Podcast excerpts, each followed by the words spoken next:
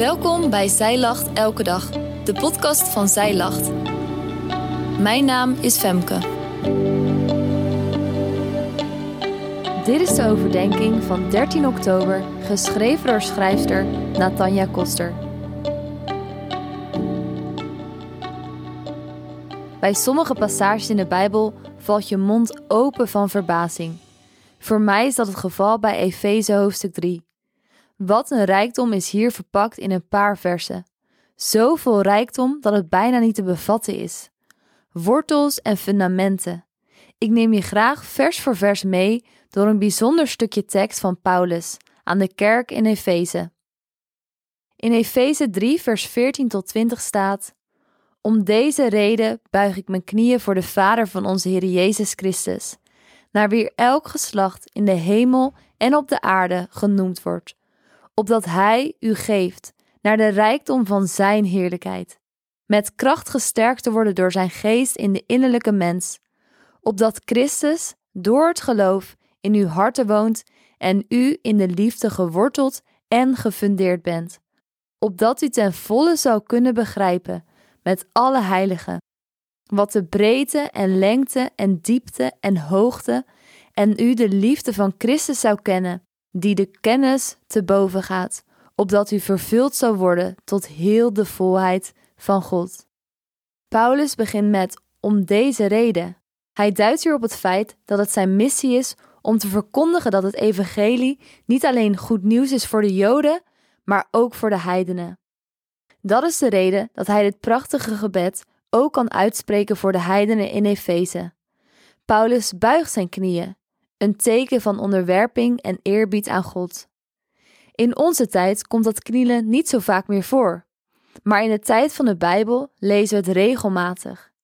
Maria knielde aan de voeten van Jezus, Daniel knielde op zijn kamer, maar ook Paulus knielt in gebed. Jezelf letterlijk klein maken voor God.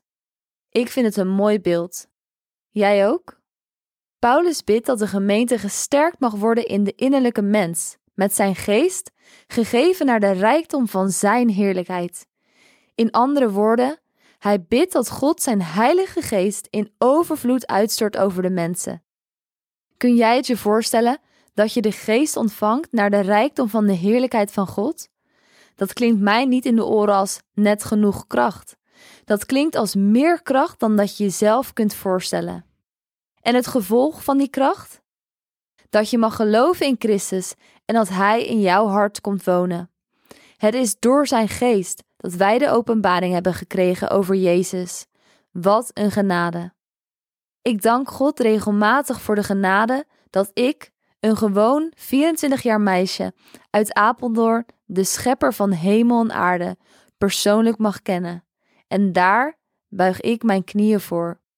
Vervolgens lezen we dat we in liefde geworteld en gefundeerd mogen zijn.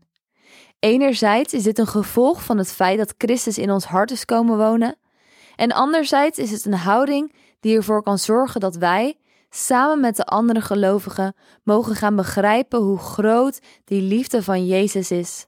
Hoe staat het met de grond van jouw hart? Wat is jouw fundament? Dus wat zegt Paulus nou precies in deze verse? Misschien kunnen we het zo samenvatten.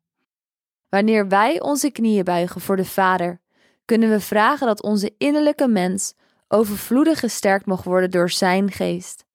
En wanneer wij Zijn geest hebben ontvangen, mogen we weten dat de volheid van God in Jezus in ons hart is komen wonen. Wij mogen onze wortels schieten in Zijn liefde. Wat er vervolgens opkomt uit deze wortels, komt voort uit een leven gegrond in Hem en zal een getuigenis zijn van hoe breed, lang, diep en hoog die liefde van Christus daadwerkelijk is.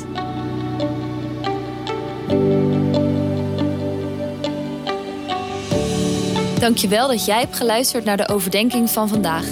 Wil je de overdenking nalezen? Check dan onze website je vindt er ook meer toffe dingen die jou helpen om de Bijbel vaker te openen, zoals boeken, Bijbels, cursussen en evenementen. Morgen ben ik weer bij je terug met een nieuwe overdenking. Tot dan!